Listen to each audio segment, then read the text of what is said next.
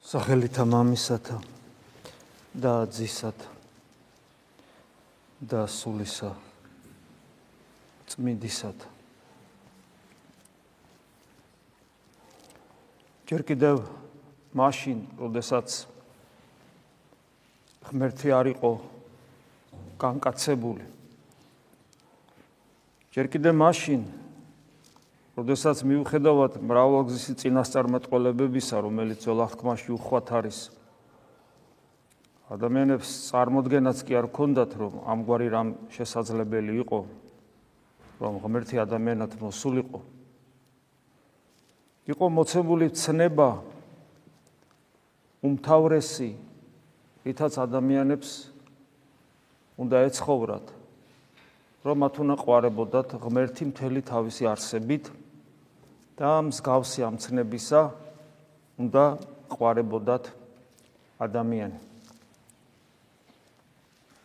მაგრამ ამცნების შესრულება შეუძლებელი აღმოჩნდა. ყველაფერი ის რამდენიმე ასეული მცნება, რომელიც ძველახთქმაშია გაბნეული, რომელიც აწესრიგებს ადამიანის სულიერ ზნეობრივ ცხოვრებას, ყველაფერი ეს ცნებები სწორედ აი ამ ორ ცნებაზე იყო კონცენტრირებული. მაგრამ მისი შესრულება იყო შეუძლებელი. მიზეზი ვიცით, ადამიანი რომელიც სწორედ იმისათვის არის შექმნილი, რომ აი ამ ღვთისაგან მოცემული მცნებით იცხოვროს და მით განიღმრთოს ადამიანი რომელიც ამისთვის არის შექმნილი ვერასრულებს. იმიტომ რომ ადამში ადამში ადამიანმა ადამში კაცობრიობამ ღმერთს უღალატა და მისთვის გახდა შეუძლებელი როგორც ხშირად ვამბობთ ხოლმე აი ამ ჩაკეტილი სამყაროს გარღვევა და მარადიულ ღმერთთან მარადიული სიცოცხლე განხთობილ მდგომარეობაში შვილის სტატუსით. ეს გახდა შეუძლებელი. მაგრამ ცნება მაინც მოცემული გვაქვს. დაი როდესაც დადგა ადამიანის გამოხსნის პერიოდი მოდის ღმერთი და ეს იმდანად გონება მიუწვდომელი რამ არის რომ ჩვენ რომლებსაც ეს გვწამს ვივიწყებთ ჩვენი რწმენის განსაკუთრებულობას და ვეჩვევით აი ამ ცოდნას რომ და საიდუმლოებას რომ ღმერთი მოვიდა ადამიანად და ჩვენს ყოველდღიურობაში და ყოველწამიერებაში არა ვართ განციფრებულნი და აღფრთოვანებულნი გახარებულნი და ბედნიერნი. არა ვართ. არამედ მოწყენილნი ვართ და საკუთარ თავს რომ თლათ არ მოვიწყინოთ და დეპრესიაში არ ჩავარდეთ ვირთობთ ამასოფლის სხვადასხვა შესაძლებლობებით. ვერთობით ამასოფლის სიჭრელით.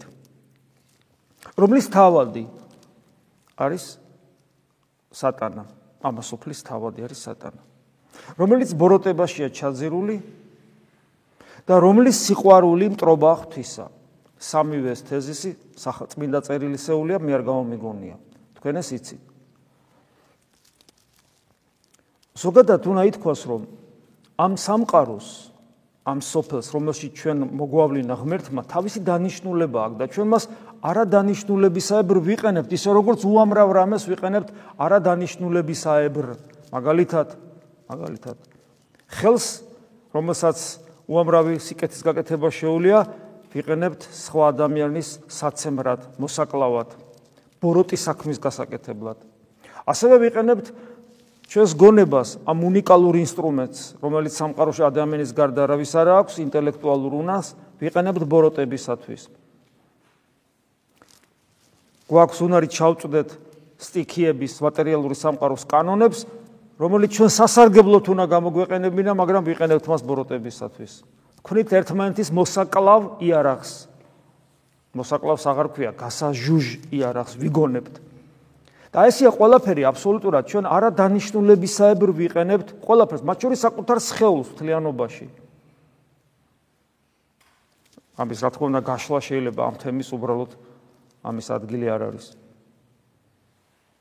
თვით რწმენასაც კი, რომელიც ყველაზე ძვირფასი ნიჭია ადამიანისათვის, მასაც არადანიშნულებისაებრ ვიყენებთ და ან რელიგიურ გზნობებს ვიკმაყოფილებთ უკეთეს შემთხვევაში, ხოლო უარეს შემთხვევაში სხვაზე ზედგომის, სხვაზე ზემოდან ყურების საშუალებად ვიყენებთ ჩვენს რელიგიურობას, რასაც ფარისეულობა ქვია და ფანატიზმი.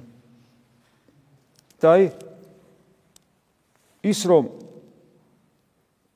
ვივიწყებთ ის რაც მოხდა ქრისტიანებზე მაქვს საუბარი პირველ რიგში ჩვენზე.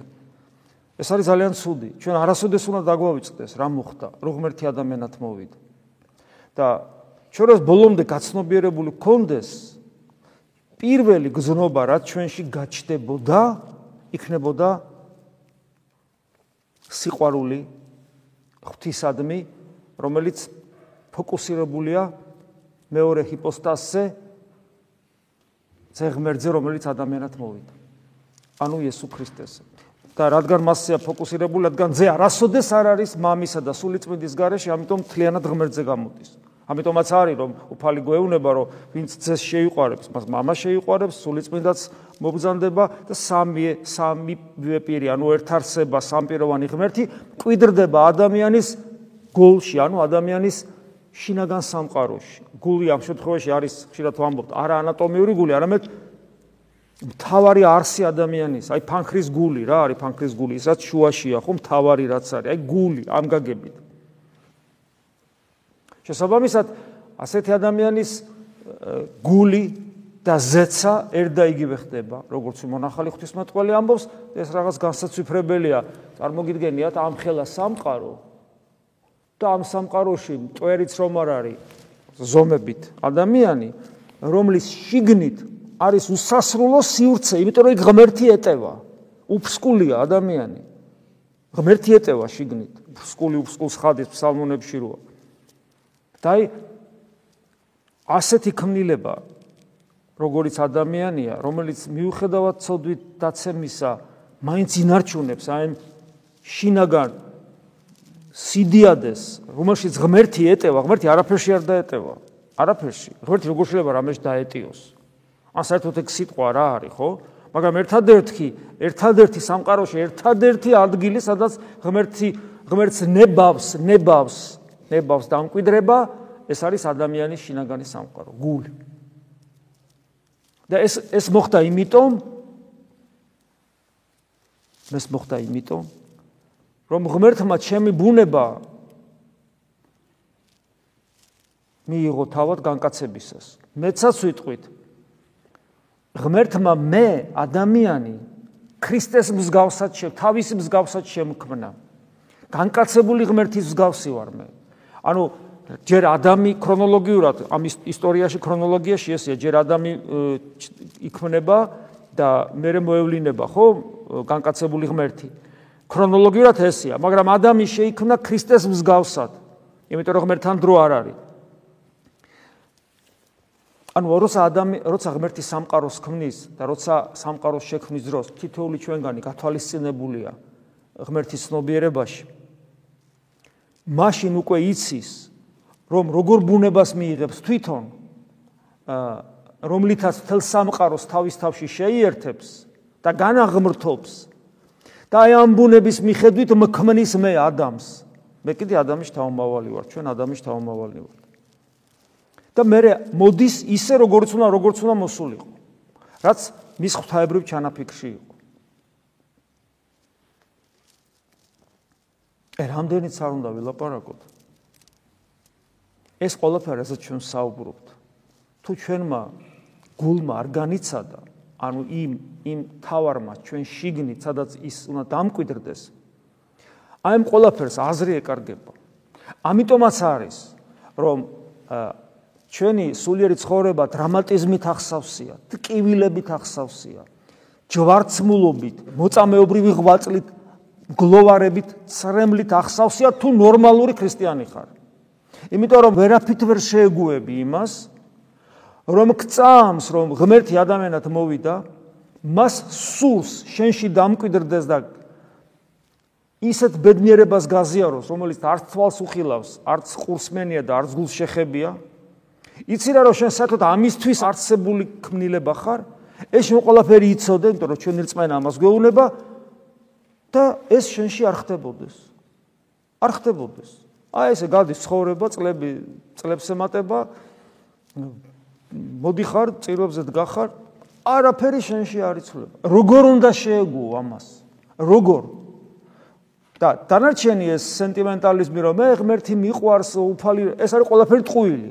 თუ ღმერთს არ განიცდი, არაფერიც არ გიყვარს. შეუძლებელია გიყვარდეს ის, ვისაც არ იცნობ. შეუძლებელია, ნუ ვიტყვილებით. ვისაც არ ვიცნობ, ჩვენ მას ვერ შევიყვარებ. ამიტომაც გვეუბნება იოანე მოციქული, ჩვენ გვიყვარს იმიტომ, რომ პირველად მან შეგვიყვარა და მისთვის ეს თეორია არ არის. თუ ვიღაცა იტყვის მას უნახავს და იმიტომ ლაპარაკობს ასე, გაგახსენეთ პავლეს არ უნახავს და არანაკლებად ლაპარაკობს. ასე დღეს წაგიკითხავთ. ნახვაზე და არ ნახვაზე არ არის საქმე. მეცაც ვიტყვი, წმინდანობა ღმერთის ნახვა და ხორცელ ნახვას მნიშვნელობა საერთოდ არ აქვს. აგერ იუდა და რატო მარტო იუდა? რატო მარტო იუდა? უამრავი ადამიანი ისრაელში რა ვერ ნახეს, ნახეს და რამერი, არც არაფერი. რატო ვიღაცეები პეტრე ავიღოთ? პეტრემ არათუ ნახა, არამედ თაბორის თაზე იხილა, როგორც ღმერთი, იმიტომ რომ ისგან გამოსჭიოდა ეს შეუქმნელი ენერგიები. და მე რას ამბობს პეტრე? მაგკაც არ ვიცნობ. ხედავთ? ხედავთ ადამიანი როგორია? პეტრე თუ ეგეთია, მე და შე როგორები ვიქნებით? ამიტომ ჩვენ არავითარ შემთხვევაში არ უნდა შევეგუოთ იმას, რომ რაც გვწამს იმის გამოცდილება ან ჩვენი რწმენა არის თეორიული და გამოცდილებითი არ არის. არაფრით არ უნდა შევეგუოთ ამას. და თუ ესე დავაყენებთ ჩვენი სულიერი ცხოვრების საკითხს, მაშინ გასაგები გახდება ბევრი რამე წმინდა წერილში, მათ შორის ის რაც აღანაც გითხარით, მეტარიყვნენ გლოვარენი გულითა. რატომ? რა მაქვს საგლოვი? ის მაქვს საგლოვი, რომ ვიცი რომ არის და ვერ ვნახულობ. ვიცი რომ თან ახლოს არის, შორს არ არის. ჩემს გულთან დგას და ვერ ვნახულობ. და ის სიდიადე ღმერთი ჩემში, ეს სიდიადე. რითაც მე მე და ჩემი გული და ზეცა და იგივეა როგორც მონახალი ღვთისმეტყველი ამბობს, ეს სიდიადე მომენიჭა მას შემდეგ რაც იგი ადამიანად მოვიდა და მისი ადამიანური ბუნება განიღმრთო, განიღმრთო. თავის თავში შეიერთა და განიღთო და მე მის თავის ნაწილად გამხადა. აი, რაც მან ადამიანური ბუნება განაღმრთო და ის ადამიანური ბუნება ზუსტად ჩემნაირი რომ არის და ჩემიდან აღებული რომ არის, ამიტომ მეძლევა მე საშუალება რომ მეც განვიღმრთო, ანუ ჩემში ღმერთი დამკვიდრდეს. როგორ არ უნდა ვიყო მადლიერი? მაგრამ როგორ უნდა ვიყო მადლიერი? მე თუ აქეთკენ არ მივისწრაფი, რასაც ახლა შევლაპარაკობთ და არიწება ჩემში პატარ-პატარა გამოცდილებები სკაჩენა, რომელიც აი ამ დიდებულ გზაზე დამაყენებს, ზას გამინათებს, მომინიშნავს, განხთობა რომ დაიწყოს. ანუ ეს თუ არ ხდება ჩემში, ეს თუ არ ხდება. ბუნებრივია რომ მე ვერ დავაფასებ იმას, რაც ხდება სამყაროში. მაგრამ ჩვენ აქ იმიტომ ვდგავართ, რომ ჩვენში ეს პროცესი დაწყებული ადამიანი ხშირად გვიქავს, ადამიანი რომელიც ირწმუნებს იესო ქრისტეს ღმერთობას, მასში ეს პროცესი უკვე დაწყებულია. უბრალოდ ჩვენ შეგვიძლია რომ ეს ტალანტი ბიწაში ჩავფლათ, გვახსოვს, ხო? ტალანტების შესახებ იგავი. შესაძლებელია ერთი კი არა, ხუთიც რომ ხუთი ტალანტიც რო გქონდეს, ხუთივე შესაძლებელია მიწაში ჩაფლა. უბრალოდ რწმენა რწმენა დარჩება, როგორიც მოგეცა ესეთად. მაგრამ ამის გაკეთება არავითარ შემთხვევაში არ შეიძლება. ეს არის დამღუპელი ჩვენთვის. ეს გაცილებით უარესი მდგომარეობა, ვიდრე იმის მდგომარეობა, ვისაც ეს ტალანტი არ მიუღია. რატომ არ მიუღია ჩვენ არ ვიცით. მისმა გულმა არ მიიღო ალბათ. მაგრამ ჩვენმა გულმა რომ მიიღო, უარესი თუ ჩვენ მას არ გავამრავლებთ. ამიტომ ჩვენში ეს პროცესი არის დაწყებული. ჩვენ პასუხისგებლობით დატვირთულები უკვე ვართ. აი ჩვენ არ შეგვიძლია ვთქვათ, რომ აი ისი რა, ნუ დავიღალე რა, რაღაც არ გამომდის და არ გამოგვდის, მინდა გითხრათ. და რადგან არ გამოგვდის, მე არა მაქვს უფლება ვთქვა, რომ ხო არ გამომდის და მოდი ცოტა ცოტა რბილად ვიცხოვრებ. ცოტა რბილად. აი არ არ მე არ მექნება ეს დატვირთულობა სულიერ ცხოვრებას, ცოტა რბილად. არ გამომდის ახლა ფერი ხო არა ვარ რა, მონაზონი ხო არა ვარ. ჩვეულებრივი ერის ადამიანი ვარ. როგორ თან ხო არა ვარ შუა საუკუნეების 21 საუკუნის ადამიანი ვარ. ღმერთი ხო კიდე სიყვარულია, ხო მოწყალია. რა საშინელებაა ესეც საუბარი დაფიქრდით. როცა შენი გადარჩენა, შენი გადარჩენა რა თქმა უნდა სწორია ღმერთის სიყვარულია, მაგრამ სრულად რო იხსნი პასუხისგებლობას. და შენ ადამიანობაზე ამით შენ რო პასუხისგებლობას იხსნი, შენს ადამიანობაზე, შენს თავისუფლებაზე, შენს პიროვნულ არჩევანზე, ყველაფერზე ამაზე ამობ უარს. და შენგან როგორი როგორი ღმერთი გამოვა შენგან ღმერთი უნდა გამოვიდეს შენგან. რანერად გამოვა ღმერთი შენგან რომელიც უარს ამბობ პასუხისგებლობაზე თავისუფლებაზე და ღირსებაზე. როგორც იქნება იქნება რა რაღაცნაირად. აი რანე რანერად უნდა გამოვიდეს შენგან ღმერთი? და შენგან ღმერთი უნდა გამოვიდეს. მადლის მიერად მაგრამ ესე და პავლე როგორც ყოველთვის დღესაც თავისი მდგომარეობით ვაფხიზლებს. უბრალოდ გესმით პავლე ადამიანია. პავლე არ არის რაღაცა ზე ადამიანი. ჩვეულებრივი ადამიანია პავლე. აი ჩვეულებრივი ადამიანი.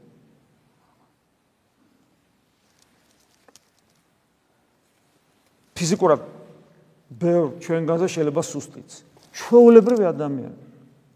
და აი პავლეს ჩვეულებრიობა ანათებს ანათებს პავლეს ჩვეულებრიობა. იმიტომ რომ მასში ღმერთია და ღმერთი მასში იმიტომ არის მარტო იმიტომ კი არა რომ ღმერთს უნდა ესე. არამედ იმიტომაც არის რომ პავლესაც უნდა ეს და ყველაფერი გააკეთა თავის მოკვეთის ჩათვლით რომ ეს ასე ყოფილიყო. აი პავლეს დღესაც წავიკითხეთ. აი დღევანდელი რაც დღეს მე დავითომ წაგვიკითხა, საერთოდ კიდევ ვიმეორებ აი აი როგორ შეიძლება რომ პავლეს ყოველი სიტყვა გაიშიფროს, რომ გასაგები გახდეს, მე არ ვიცი, მაგრამ აი უბრალოდ პავლეს სიტყვები შეუძლებელია რომ არ განცვიფრებდეს და არ ჩაგაფიქრებდეს და შენ ცხოვრებას სხვანაირად არ შეგახედებდეს, შეუძლებელია, იმიტომ რომ ჩვეულებრივი ადამიანი ასე იქცევა. და ესე ესე ესე ესე იცხოვრა და თავის სიკვდილით დაადასტურა, რომ ის ასე ცხოვრობს. ეს არის კოლოსალთა მიმართ ეპისტოლე პირველი თავი. ახლა კი ხარობ პავლე მოციქული ამბობს. ჩემი ვნებების, ანუ ვნება ამ შემთხვევაში ტანჯვის, ტკივილების გამო. შემთხვევით არ არის რომ ცოდვაც ვნებად იწოდება, იმიტომ რომ ცოდვა გავნებს, გავნებს და ტკივილს გაყენებს, რომელსაც ჩვენ ხშირად ვერ ხვდებით, იმიტომ რომ ის ანესთეზიას გვიკეთებს. ის რომ არის რა ქვია ღამურა ვამპირი ღამურები როა რო ვერ გძნობს ცხოველი რატო ვერ გძნობს იმიტომ რომ ანესთეზიას აკეთებს ის და ცხოველი ვერ გძნობს და გამოცლის თელი სისხლისაგან რო შეეძლოს ბოლომდე ამიტომ და პავლე მოციქული ამ ტკიბილების ამ ტანჯვის გამო ხარობს ხარობს ხო ვერავინ ვერ იტყვის რომ პავლე შეურაცხადია მაგრამ აი პავლეს უხარია იმიტომ რომ ეს ტკიბილები მას ქრისტეს გამოადგება ხარობ ჩემი ვნებების გამო რომლებიც დავითმინე ჩვენი გულისათვის თლიანად ამბობს. ანუ ეკლესიაზე საუბრობს. ეკლესია, ეკლესია, ეკლესიის აღშენებლობაზე საუბრობს. პავლეს ეს ტკივილები, რომელიც მას ადგენა, მას უხარია და ტკივილები არ ადგენა მარტო ქრისტიანთა მტრებისგან. ჩვენ ვიცით, რომ მას ტკივილი ტკივილი ტკივილები ადგენა თავისი ქრისტეს მიერ ძმებისაგანაც. ესეთი იყო მისი ცხოვრება, ესეთი იყო. და აი ეს აი ამის მერე როცა ის ამბობს რომ იგი ხარობს ამ თავისი ტანჯვის გამო ხარობს მე ამბობს ძალიან უცნაურ სიტყვებს მე ადრეს მithქვავს ამის შესახებ კიდევ ბლოთ საკითხავი მოიტანა და კიდევ ერთხელ მინდა თქვენთან ერთად წავიკითხო როგორმე გავიგო აქ რა წერია იმიტომ რომ მისი გაგება პრინციპში ძალიან ძნელია და წმინდა მამები ათასნაირად განმარტავენ ამას იგი ამბობს ესეთ რამეს რაც დააკლდა ქრისტეს ურვას ამ შემთხვევაში კლავესე რაც დააკლდა ქრისტეს ურვა ანუ ტანჯვას, ტკივილს, მოწამეობას, რაც დააკლდა, ქრისტეს დააკლდა რამე? ნახეთ როგორ აღვ, რაც დააკლდა ქრისტეს ურვას, ჩემი ხორცით ვავსებ მისი შეეულისათვის, რომელიც არის ეკლესია. რაც დააკლდა ქრისტეს ტანჯვას, ჩემი ხორცით ვავსებ. ძალიან რთული გასაგები რა. ძალიან რთული.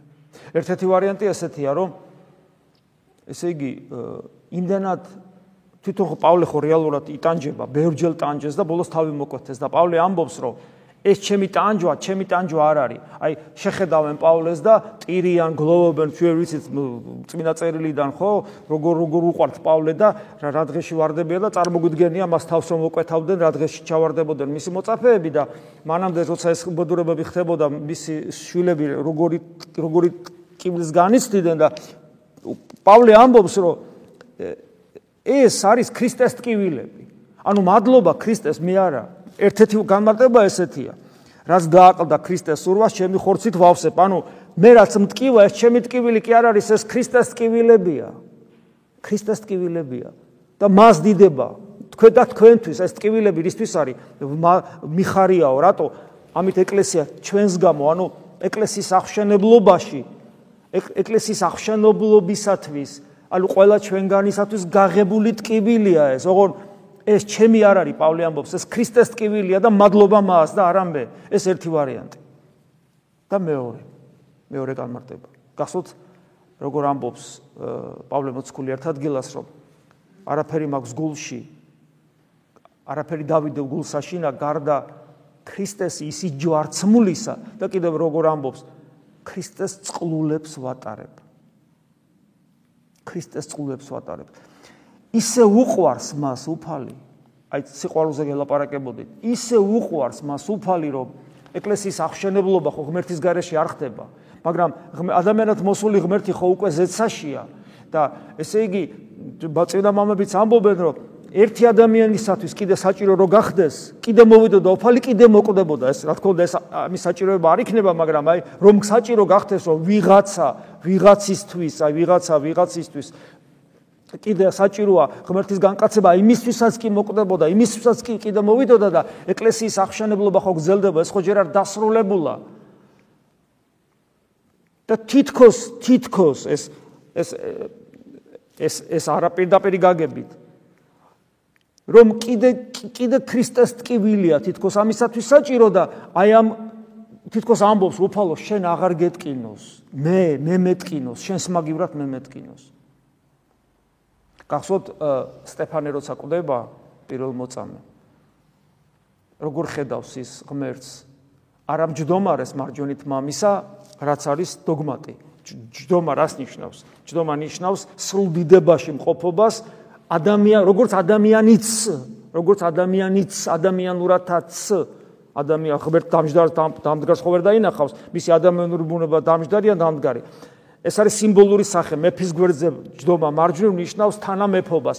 ანუ როგორც ადამიანიც სრულ ღვთაებრივ დიდებაშია სრული ძალაუფლებით. ამას ნიშნავს დაждდა მარჯვენით მამისა მაგრამ სტეფანე ხედავს დამდგარს მარჯვენით მამის. რატომ დამდგარს? როგორც მამები განმარტავენ ამაზეც გვისაუბრია სტეფანეს ტკივილებს ფეხზე წამოუდგა უფალი. დოგმატი ესეთია ამაღლების მერე აღდგომის ამაღლების მერე ქრისტეს შეეული უვნებოა. მას არა უვნებო ამ ტკივილის თვალსაზრისით. მას არაფერი არ ტკივა.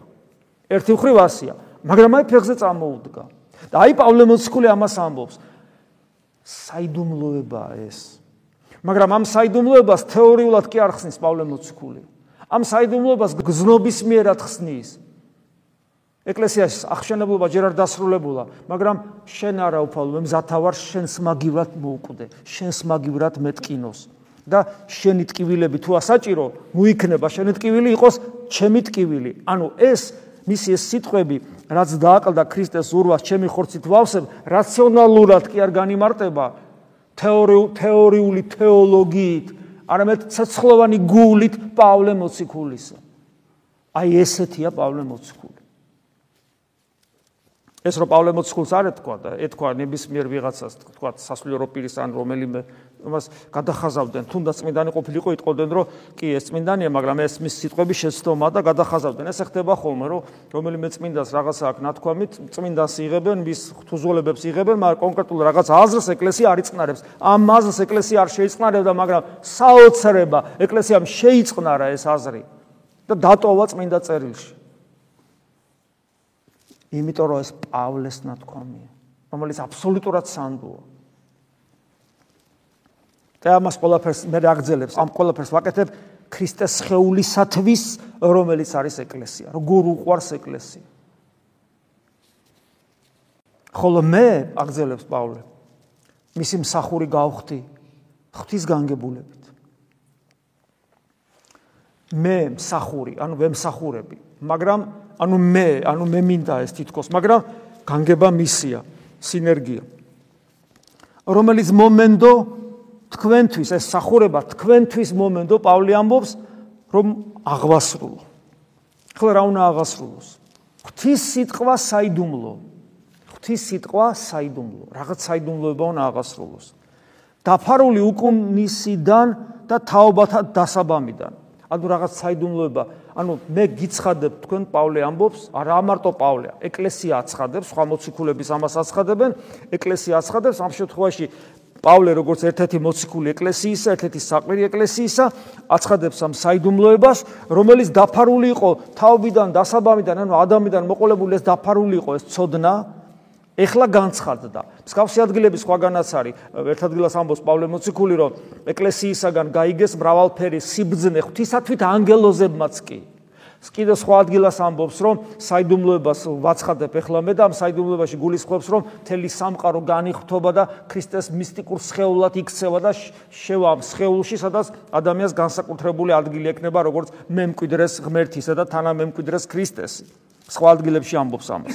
ხოლო აი აქ აქ საუბრობს ესე, რომ საიდუმლოებას ვაცხადებ, რომელიც დაფარული იყო, ხოლო აც განცხადებულია მისი წმინდანებისათვის, ანუ ღვთის წმინდანებისათვის, ანუ იმ ადამიანებისათვის, ვინც გული გაუღეს უფალს.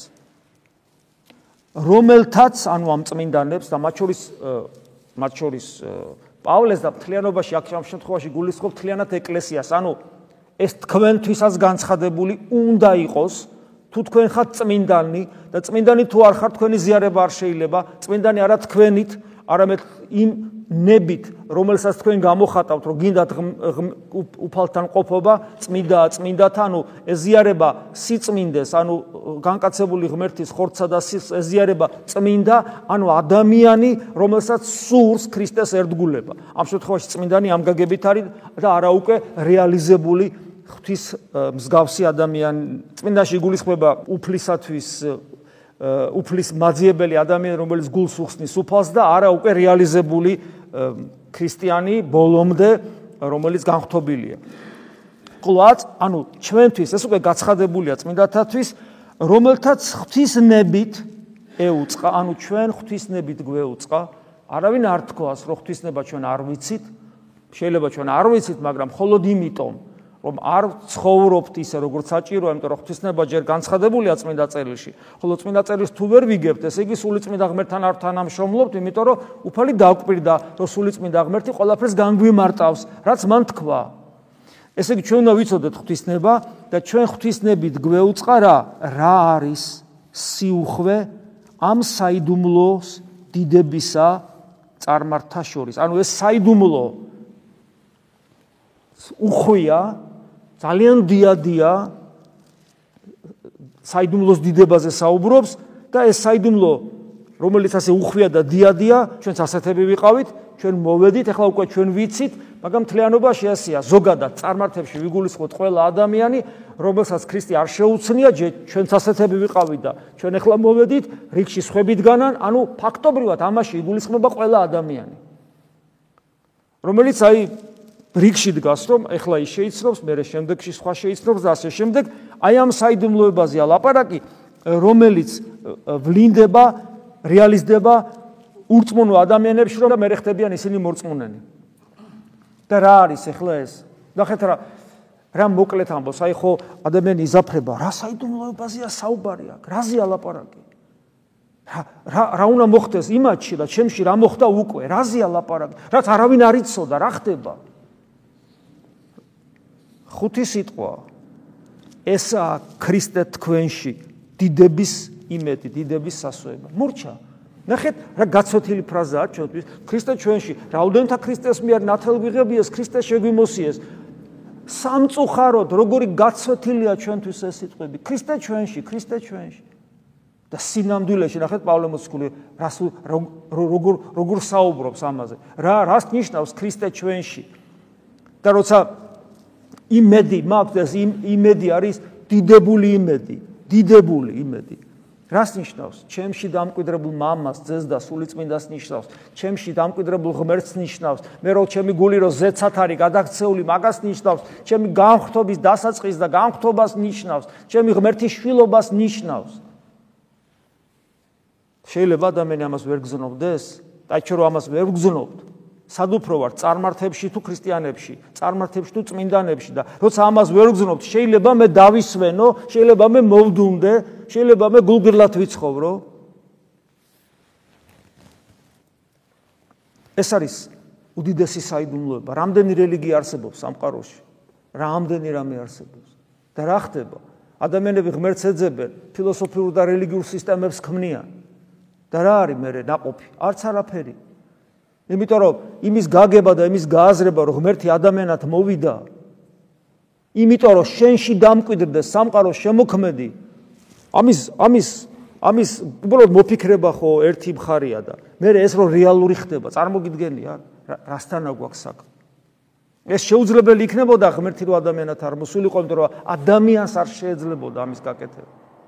აი მაგალითად რომელიმე დიდი ცხოველი ავიღო და სპილოს მაგალითად. შეიძლება რომ მან ღმერთი დაიმკვიდროს თავის თავში. ნებისმიერ ცხოველს. ადამიანს რატომ შეუძლია? ზოგი ადამიანი გელზე უარესია და რა ვიცი. რომელიც ცხოველი ვახსენო. ქრისტე მიიღო ადამიანური ბუნება, განაღმრთო და ამიტომ ეს და და როგორ ძვირად დაუჯდა, მოდი ასე ვთქვათ, ადამიანური საზომით, რა უქენით ჩვენ მას? აი ეს არის რეალობა. ესაა ქრისტე ჩვენში, რომელსაც ვქადაგებთ, ვქადაგებთ, ქრისტეს ვქადაგებთ და აი ამ საიდუმლოებას ვქადაგებთ. შევაგონებთ ყველას, რათა მთელი სიბრძნით, ანუ შას შევაგონებთ, რომ ღმერთი თქვენშია, ღმერთი თქვენშია. შევაგონებთ ყველას, რათა მთელი სიბრძნით, ნახეთ, ხო არა არ ამბობს სიბრძნით, არამედ მთელი სიბრძნით. რა უცნაურად მეტყოლოს პავლე მოციქული. მთელი სიბზნით დავმოძღვროთ. და აი ამის ფონზე პავლე მოციქული ასე რომ მეტყოლებს წარმოიდგინოთ ჩვენი ქრისტიანობა. მოდუნებული დუნე ქრისტიანობა მკვდარი ქრისტიანობა ისერა ქრისტიანობა გაზმორილი ქრისტიანობა რაღაცნაირი ქრისტიანობა. შეადარეთ ჩვენი ქრისტიანობა და ამ ცეცხლს რომელიც ამ ადამიანს აქვს. რომელიც მე მეტყვის. მობაძავ ჩემ და იქმენით ვითარცამე ქრისტეს რომელსაც ხადაგებ და შევაგონოთ ყველას, რათა მთელი სიბრძნით დავმოძღოროთ ყოველი კაცი და სრულ ქმილად წარმადგინოთ ქრისტე იესოში. არ გამოგვდის მისიონერობა ვამბობთ. ხალხი გარბის ეკლესიიდან ვამბობთ. გაიქცეობა აბა რა იქნება, როცა აი ეს ცეცხლი არა გვაქვს. იმიტომ რომ თუ გვინა რომ ადამიანს რომელსაც მოძღრავთ ის დარჩეს ეკლესიაში ეს უნდა გქონდეთ ხადაგებთ ჩვენში ყოფ ქრისტეს შევაგონებთ ყველას რათა მთელი სიბრძნით არასანახევროდ მთელი სიბრძნით დავმოძღროთ ყოველი კაცი მთელი სიბრძნით რომ დავმოძღრო ეს მთელი სიბრძნე ჩემში უნდა იყოს დავმოძღრო კაცი და სრულ ქმნილად ანუ ისი არა რომ ნუ ხო აი 10 წნება შეასრულე და აი ესე და ნუ როგორც იქნება იქნება. არა სრულ ქმნილად წარმოვადგინოთ ქრისტე იესოში შემთხვევით არ მithქვავს ეს, იმიტომ რომ ხანდახან არის ხოლმე ეს, რომ ხო ეხა ერის კაცი ხარ, 10 მცნება, არა იესოს ლოცვა და ხშირი ზიარება არა. ნუ წმინდა წერილიც ეხა უბრალოდ 10 მცნება შეასრულე წესიერად მოიქეცი და ცხონდები. კი, აი ეს ეს საკმარისია. ხო, აი ეს ეს არის სიმახინჯე უბრალოდ. ასე ასე ასე როგორ შეიძლება? ეს ხო ეწინააღმდეგება წმინდა წერილს. როგორ შეიძლება მე ვასწავლიდე ესეთ რამეს რაც წინააღმდეგობაშია წმინდა წერილთან? არ შეიძლება ამის გაკეთება. ადამიანი სადაც მიდრეკილია სიზარმაცისაგან. ეხლა მე სიზარმაცე მე რო ვიღაცა მოძღორმა მითხრას რომ იცი რა რა სწავლობ კაცო ამდენს? წამოგორდი ერთი და რაღაცა ქვებისროლას ნუ დაიწყებ და ხო გწამს და რაღაცა კვირაში ერთხელ წირე და რაღაც შენთვის იყავი და ჩემს სიზარმაცეს ეს უნდა კიდე? შეიძლება? ამის გაკეთება. და ასე ასრულებს პავლე მოციქული. რისთვისაც შრომობ ანუ აი მას ვაკეთებ რომ ყველა ეს ადამიანი სრულ სრულქმნილად სრულქმნილად წარვადგინოთ ქრისტე იესოში ისე მაინტერესებს მე თუ აი ეს ზერელეთ მომყავს ადამიანები ქრისტესკენ მე რო გარდავიცულები უფლის წინაშე რო დავდგები და ეს ზერელეთ მოყვანილი ხალხის თელი მასა თუ მეყოლება უფალი რომ კითხავს საკითხული არ ქონდაო, რომ ეს ადამიანები ესე ზერელად კი არ უნდა ყოფილიყვნენ, სრულ ქმნილნი უნდა ყოფილიყვნენ და შენა დახმარებოდი ამათ. რათ არ გააკეთეო და რას ვეტყვი? რას ვეტყვი მაინტერესებს უფალს. და აი ამ ყველაფრისთვისო პავლე მოციქული, რა არის საჭირო ამ ყველაფრისთვის? აი რასაც ახლა პავლე მოციქული ამბობს, აი ის რო არ ამაკ, იმიტომ არ ვაკეთებ და არა იმიტომ რომ ეხა ერის კაცებს მეტი რაში ჭირდებათ. აი რასაც ახლა პავლე მოციქული ამბობს და პავლე ნახეთ რას ამბობს. რისთვისაც შრომობ და პავლე მოციქულის შრომა როგორი იყო წავიკითხოთ. კარგად და ვნახავთ როგორ შრომობდა პავლე მოციქული? ვიხწვი შრომობდა ვიხწვი. მაგრამ მარტო არა. მისი ძალით შრომობ და ვიხწვი და კიდევ ვიმეორე პავლე მოციქულს ქონდა უმძიმესი შრომა ერთხელ ჩამოთვლის კიდევაც თავის რაღაცებს ხო და ბოლოს თავი მისი შრომის ბოლო ფინალი თავი რომ მოაჭრეს ეგ იყო ეგ იყო ზუსტად. ამიტომ მისი შრომა იყო ძალიან ძალიან ძალიან ძალიან მძიმე. აი ამ ყოლაფრისთვის რომ გაკეთებულიყო ისე როგორც საჭირო რომ სრულქმნად წარადგინოს ადამიანები ქრისტე იესოში ამისთვის შრომობს იღწვის მაგრამ უძლურებაში რო იქ ძალას ხო ღმერთი? მისი ძალით და ნახეთ როგორ ამბობს. ძლევა მოსილათ რომ მოქმედებს ჩემში რატომ მოქმედებს ძლევა მოსილათ ეს უკვე პავლეზეა დამოკიდებული თორე ღმერთს ყველგან უნდა ძლევა მოსილათ იმოქმედოს მაგრამ ისე შრომობს ისე იღწვის და ისეთი სიმდაბლით აკეთებს ამას. რომ საკუთარ უძლურებასაც კი აი უძლურება ხო აი ადამიანი რომელიც თქვა ჯამრთელი თუ ხარ უფრო კარგად ლოცულობ. როცა რაღაცა გაწუხებს ლოცვა ისეთი არ გამოდის შეიძლება ადამიანმა ამ დროს ამაზე იწუწუნოს. მაგრამ აი ნახეთ, სილვან ათონელი ამბობს, რომ ყובה მაგალითები მოყავს, რომ უფალმა აი აქ მიშველა, მაგრამ აი აქ არ მიშველა, გაცივდა და თავით კედა მთელი ცხოვრება. იონო ოქროპლის საშნელი კუჭის ტკივილები ქონა მთელი ცხოვრება. ბასილ დიდი სვავამტყოფობებში იყო და ძალიან ახალგაზრდა გარდაიცვალა. იოსების სიკასის ცხოვრებაც ასევე იცი, წყლულებში იყო ადამიანი. კითხვა ჩდება, ჯო არ ჯობია, ღონივრად იყო და ესე ილოცო? საოცრებაა ეს ცალკე ცალკე ფენომენია კიდე რომ როდესაც ქტკივა და გიჭირს და ხელის შემშლელად გაწუხებს რაღაცა, მაგრამ მაინც რომ ლოცულობ. გესმით, რამ ხელა სიყვარულს, ანუ არაძლევს შენ თავს იმის საშუალებას, რომ ხო, კაი, არ გამოვა რა, არ შემილია და მორჩა. არა, მაინც რომ აკეთებ. აი ასე ცხოვრობდა პავლე მოციქული. და აი სწორედ აი მუძლურებას რო არ ეპოებოდა და მაინც აკეთებდა, აი ამ მუძლურებაში ვლინდებოდა ძალა ძლევა მოსილად. ძლევა მოსილად რომ მოქმედებს ჩემში. ეს ყველაფერი ჩემთვის არის დაწერილი ნამდვილად ვიცი. მე ნამდვილად ვიცი რომ ეს თუ ჩემთვის დაწერილად არ მივიღე და მე თუ ეს ზერელეთ გავატარე, ხო, ნუ ეს მე არ მეხება, ჩემი საქმე უბრალოდ ძალიან სუდათ იქნება. ეს ნამდვილად ვიცი. მე მგონია რომ თითოეული თქვენ დაგანისთვისაც არის დაწერილი ეს. და მე მგონი თქვენი საქმეც ვერ იქნება კარგად თუ თქვენ უგულებელს ყოფ წმინდა წერილს ამიტომ ჩემ თავს მოუწოდე პირველ რიგში რომ და თქვენ სამაგალითოდ გეუბნებით რომ მე ძალიან მინდა რომ ჩემთვის იყოს პავლე მოციქული იყოს აი სამოქმედო მაგალითი. ჩემი ცხოვრების პროგრამა იყოს შეიძლება ასე ითქვას. მე ვიცი რომ ვერასოდეს ვერ გავაკეთებ ამას მაგრამ ის მაინც გავაკეთო რომ არ შევეგუო იმას, რომ ამას ვერასოდეს ვერ გავაკეთებ. და მქონდეს სულ ბრძოლა საკუთარ თავთან და აი აი ასე გავიდი ამ ქვეყნიდან. იმიტომ რომ ვერსად ვერ გავექცევი მე ამ დისკომფორტს, რომელიცაც უქმნის ჩემს დაცემულ ბუნებას აი ეს ცეცხლოვანი ადამიანი. რომელიც თავმოციქულად დამიდგინა ეკლესიამ, მიუხედავად იმისა, რომ ის ხორცელად ქრისტეს არ იცნობდა. და მაინც დამიდგინა თავმოციქულად ეკლესიამ იმისათვის, რომ მე ქონოდა მაგალითად და არ დამეძინა სულიერ ცხოვრებაში. ქრისტიანობა არის ბძოლა და ომი და ქრისტიანობა აქედან გამომდინარეა მერე ბედნიერებაც, სიხარულიც და სიცოცხლის ისეთი განცდა, რომელიც სხვაგან არსად არაფერში არ არსებობს. მადლი უფლისა ჩვენისა იესო ქრისტეს და სიყვარული ღვთისა და მამისა და ზიარება სულისა წმინდისა იყოს თქვენ ყოველთა თან. ამინ.